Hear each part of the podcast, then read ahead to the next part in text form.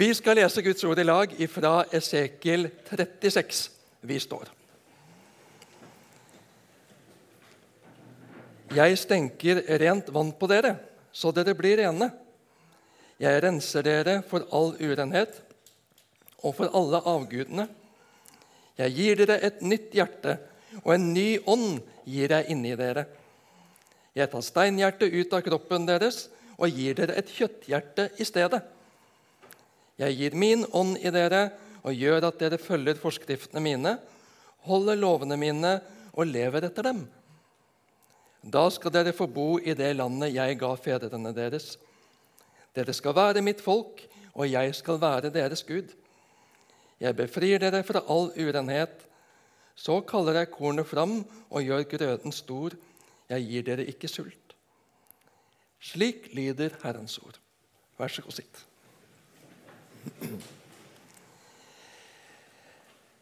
Det smaker av sommer. Og det er deilig å kjenne sola varmer, selv om det er litt ustabilt. det varierer litt fra dag til dag. Hvem har hatt årets første bad? Opp med en hånd. Utendørs, altså, selvfølgelig. Ja da, det var noen, det. Ja. Barna springer kanskje i sprederen og koser seg, fryder seg i leken med vann. Det var det første bildet som dukket opp i min bevissthet i møte med dagens avsnitt. Vannet som renser.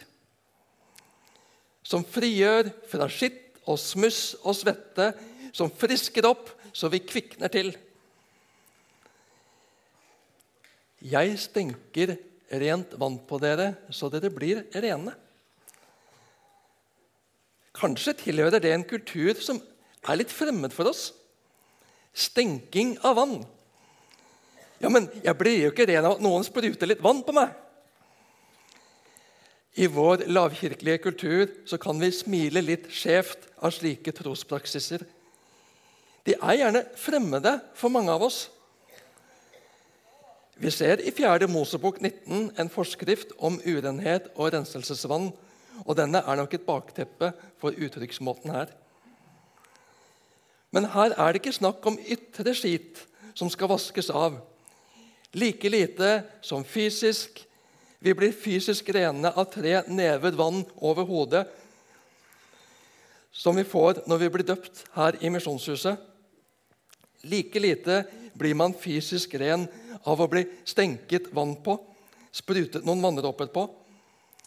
Men det er en synlig ytre handling som hjelper oss til å forstå hva Gud gjør med oss. Vann representerer liv. Vann representerer renhet og renselse. Vi trenger vann inni oss, og vi trenger vann utenpå. Vi trenger å drikke godt vann hver dag for at kroppen skal fungere. Og vi trenger å bade, dusje, vaske oss forholdsvis ofte. Jeg skal ikke spørre om hvem som ikke har vaska seg i dag. Når vi blir døpt i den treenige Guds navn, så blir vi, takket være Jesus' soningsdød for oss på korset, renset for all vår synd og skyld. Vi blir rene. Vi blir nye. Gud har gitt oss sakramentet i vannet og ordet. Gud handler til frelse gjennom vannet og ordet. Så bruker noen dåpspåminnelsen ved å tegne korsets tegn på panna med vann. Det gjorde de i konfirmasjonen til vår nevø på Nærbø i begynnelsen av mai i år. Han ble døpt her i Misjonshuset, og i forbindelse med konfirmasjonen hadde de en dåpspåminnelse ved å tegne korsets tegn på pannen med vann ifra døpefonten. I andre kirkesamfunn stenker de vide vann, altså innviet vann. Og begge varianter kommuniserer det samme. Vi tilføres renheten utenfra. Vi gis renheten utenfra. Og her er det Gud som handler, og han sier, 'Jeg stenker rent vann på dere, så dere blir rene.' 'Jeg renser dere for all urenhet og for alle avgudene.' Hva er settingen som dette tales inn i, opprinnelig. Gud taler til israelsfolket gjennom profeten Esekiel mens de er i eksil i Babylon på 500-tallet før Kristus. Israelittene er ufrie. De er bortført. De som var, og fortsatt er, et utvalgt og elsket folk for Gud, men som valgte Gud bort. Det vil si, de sa ikke at de ikke ville tro på Gud lenger, men de puttet inn så mye annet i tillegg som fikk plassen og tilliten som Gud skulle hatt. De lyttet ikke til Guds ord lenger. Guds ord fikk ikke være styrende for deres valg og for deres liv. De valgte i praksis bort Guds ord. Menneskelige allianser ble viktigere. Hva venner og naboer gjorde, ble viktigere enn hva Gud sa og gjorde. Å ligne på folkene rundt dem var viktigere enn å høre på Gud. Deres egne løsninger var viktigere enn Guds løsninger. Det førte dem bort fra Gud og bort fra landet Gud hadde gitt dem. Gud forkastet ikke israelittene, men Gud lot syndens konsekvenser ramme dem, så de skulle våkne, så de skulle omvende seg, så de skulle se og forstå og vende tilbake igjen. Komme på rett vei igjen. Hvorfor leser vi en tekst som er skrevet til jøder i Babylonia for 2500 år siden? Jo, fordi den har noe å si til oss i dag også. Det er Guds ord til oss i dag også. Ligner vi på dem slik de var da? Jeg tror vi fristes på ganske lignende måter. Vi er opptatt av hva folk rundt oss mener og tenker om oss. Vi vil gjerne ligne på dem. Vi preges av hvordan de tenker, og vi følger lett strømmen. Folk flest mener at sex før ekteskapet er helt greit. Folk flest mener at kjærlighet er kjærlighet. Så lenge det ikke plager andre, skal ikke vi bry oss. Folk flest mener at det er helt greit å bo sammen før en gifter seg.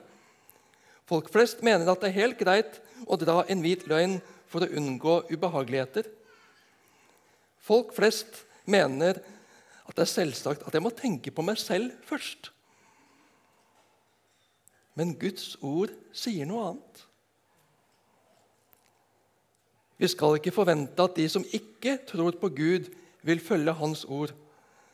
Men vi som kaller oss kristne, hvem følger vi? Hva lytter vi til? Hvem lytter vi til? Hvem er i praksis vår Gud? Hvem tror vi på? Hvem følger vi i praksis? Ordene våre har liten verdi hvis livet vårt viser noe annet. Men Gud står med åpne armer for å ta imot alle som vender tilbake til ham. Gud vil frelse. Gud er alltid barmhjertig og kjærlig. Gud tar imot alle som vender om og kommer tilbake til ham. Israelsfolket mistet landet sitt pga. deres frafall fra Gud. Frafallet fra Gud fikk veldig konkrete konsekvenser. Vi kan kanskje i stor grad klare å skjule våre frafall ved at vi ytre sett lever omtrent som før. Men noe har skjedd med hjertet. Hjertet knytter seg til noe annet.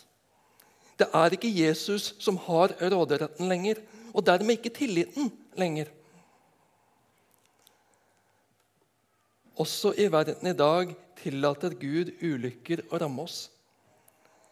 Det er ikke slik at Gud mister kontrollen, og at vi er prisgitt andre makter når ulykken skjer. Gud har kontrollen. Gud er allmektig. Gud er suveren. Men av en kjærlig grunn lar han det skje. Om vi rett som det er, kan streve med å forstå hvorfor og hvordan Gud kan la det skje.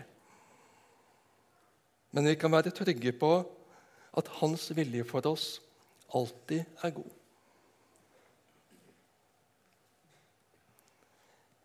I fortvilelsen, i eksilet, i fangenskapet, i håpløsheten taler Gud til sitt folk.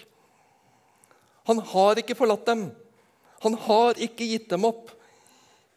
Jeg stenker rent vann på dere, så dere blir rene. Jeg renser dere for all urenhet og for alle avgudene. Avgudene, det falske som de stolte på, må rives fra dem. Så kan vi spørre oss selv er det noe urent. Er det noe falskt? Noen avguder som har fått binde oss? At vi har trosset Guds vilje og lever i strid med den? Noe som har fått ta Jesus bort fra øynene våre, vårt hjerte, vår bevissthet, som vi trenger å renses fra, så vi kan komme Jesus nær igjen. Gud vil rense. Gud vil sette fri. Gud vil gjøre oss helt ny. Vi har allerede nevnt dåpen. Og Neste søndag skal vi ha som prekentekst nettopp en, ett av to bibelavsnitt som vi bruker når vi har dåp her i Misjonshuset. Her i dagens tekst så tales det til folket som er i den gamle pakt, om en ny pakt. Akkurat som omskjærelsen var paktstegnet i den gamle pakt, er dåpen paktstegnet i den nye pakt. De er ikke der ennå, men her peker Gud gjennom Esekiel fram mot det. Gud vil handle. Gud vil hjelpe. Gud vil utfri. Vi kan ikke rense oss. Vi kan ikke rette opp skaden selv. Det er Gud som må gjøre det. Og Da, det, da er vi ved slutten med første punkt i denne preika. Og så har jeg to punkter til, men jeg kan forsikre om at de er ikke like lange. Nytt liv og midlertidig opphold. Jeg gir dere et nytt hjerte og en ny ånd gir jeg inni dere. Jeg tar steinhjertet ut av kroppen deres og gir dere et kjøtthjerte i stedet. Jeg gir min ånd i dere og gjør at dere følger forskriftene mine, holder lovene mine og lever etter dem. Et nytt hjerte. Det var utenkelig den gang, men i dag så driver jo kirurgene med hjertetransplantasjon. En får et nytt hjerte i den gamle kroppen. Eller skal vi si et pent brukt hjerte, kanskje? En frisk blodpumpe som pumper friskt blod ut i kroppen. En betingelse for liv. Jesus tar det et skritt videre eller tydeligere i møte med Nikodemus. Du kan lese om den episoden i Johannes 3 når du kommer hjem. Jesus gjør det tydelig at det må en ny fødsel til. En helt ny start. Det er ikke nok å lappe og fikse på det gamle. Som kristne så er vi født på ny. Vi har fått et nytt hjerte, en ny vilje, et nytt sinn, et nytt liv. Det må til for at vi skal komme tilbake til fellesskapet med Gud. Nikodemus, den flotte, fromme mannen som besinnet seg på å leve rett på alle vis, også han måtte renses av Gud.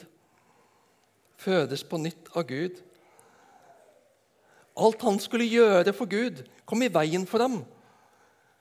Men han erkjente det og kom ærlig til Jesus. Han måtte gi opp sitt eget, og vi må gi opp vår, min, egen vei. Ta imot alt ifra Jesus. Steinhjertet som blir erstattet med kjøtthjerte. Et mykt hjerte som banker og pumper liv og energi. Ikke et hardt steinhjerte som er forherdet og ubevegelig og livløst. Men hvordan hørtes dette ut for tilhørerne? Mente de seg å ha et hjerte av stein? Sannsynligvis gjorde de ikke det. Var ikke det veldig støtende sagt å påstå at de hadde hjerter av stein? For de som ville holde på sitt og ikke være lydhøre for Gud, virket det forherdende og skapte avstand? Ja, det vil jeg tro. Gud utfordrer. Han stiller oss på valg. Hvem vil jeg tilhøre? Hvilken vei vil jeg gå? Hvem sin vei vil jeg gå på? I did it my way, sang navnbroren min, Frank Sinatra. Er det min vei, eller er det Guds vei? De første kristne ble kalt de som tilhører veien. Da var det ikke sin egen vei, men Jesu vei, Guds vei. Jeg vet ikke om noen som vil si om seg selv at de har et steinhjerte. Jeg har et steinhjerte, jeg. Nei. Har ikke støtt på noen. Hvordan avsløre steinhjertet? Forsvarer jeg synden i mitt eget liv og bagatelliserer og bortforklarer? Eller sørger jeg over min synd, om å springe til Jesus med den og be han om å ta den bort, rense meg og tilgi meg?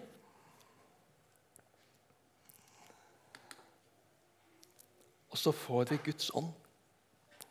Vi fikk Den hellige ånd i dåpen. Jeg har en ny vilje, et nytt sinn, en ny ånd som driver meg og opplyser og preger meg. Og Guds ånd i oss får ikke først og fremst spennende åpenbaringer, syner og drømmer, selv om det også kan skje,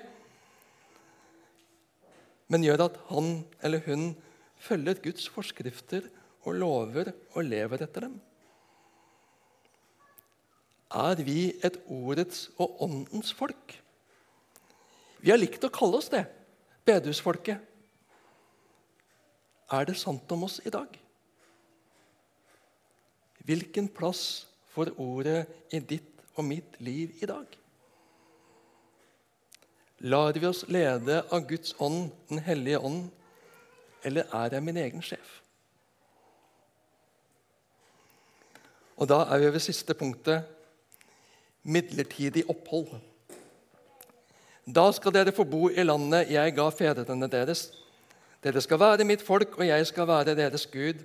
Jeg befrir dere fra all urenhet. Så kaller jeg kornet fram og gjør grøten stor. Jeg gir dere ikke sult. Israelittene fikk vende tilbake til, fra eksilet i Babylon til deres eget land Israel. Jerusalems murer ble bygd opp igjen. Tempelet likeså, om ikke like praktfullt som det første. De fikk komme tilbake til landet sitt og dyrke jorda og se den bære grøde. Og så er det flere lag her, som det ofte er i de gamle testamentlige profetiene. Israel var landet, den gamle, den Israel var landet til den gamle pakts folk, ja. Og Israel har fortsatt en plass i Guds hjerte og Guds historie. I Romerne 11,26 Romerne 11, forteller oss at de en gang skal bli frelst. La oss be om det. La oss be for Israel og dele evangeliet med dem som vi selv fikk evangeliet fra. Midlertidig opphold. Her på jord er det på en måte som en hjertetransplantasjon. Et nesten som nytt hjerte i en gammel kropp. Vi opplever et forunderlig fellesskap med troende brødre og søstre. Vi har fått noe. Vi har fått se noe. Noe som andre ikke har og ikke helt kan forstå. Noe som ikke helt kan beskrives. En ny tilhørighet, et nytt folk og et nytt hjem. I all vår skrøpelighet og synden som henger så fast ved oss. Midt i alle våre fall og nederlag og skuffelser så har vi et hjerte og en ånd sammen med Guds folk, sammen som Guds folk. En ånd som sier at 'dette er ikke alt'. Det er ikke her vi hører til. Vi har bare midlertidig opphold. Vi skal gjøre vel for våre omgivelser og dyrke jorda, ta vare på miljøet, men vårt hjemland er ikke her. Vårt hjemland er hos vår himmelske Far. Og vi arbeider dypest sett for grøden, for høsten, for, for vårt virkelige hjemland. Til slutt La oss ikke binde slik til ting og mennesker her at de tar oppmerksomheten vår. At de tar hjertet vårt bort fra der det egentlig hører til, hjemme hos far. La oss oppmuntre hverandre til å ha blikket festa på Jesus. La oss spørre oss selv i dag hvem er herre i livet mitt egentlig? Og la oss komme, komme fram for Gud med svaret. Bøye oss for Hans ord. Bøye oss for Hans vilje. Jesus, du er Herre. Du er min frelser. Jeg er avhengig av deg. La han rive ut steinhjertet. La han rive ut kynismen, hardheten, som så lett tar oss. Egenviljen som vil velge min vei, min måte, å lytte og bøye meg for hans vilje. Vi fikk i dåpen en ny ånd, den samme ånd som kom over disiplene på pinsedag. Guds ånd, Den hellige ånd, er en gentleman. Han tvinger seg ikke fram, men han trer fram der han slipper til.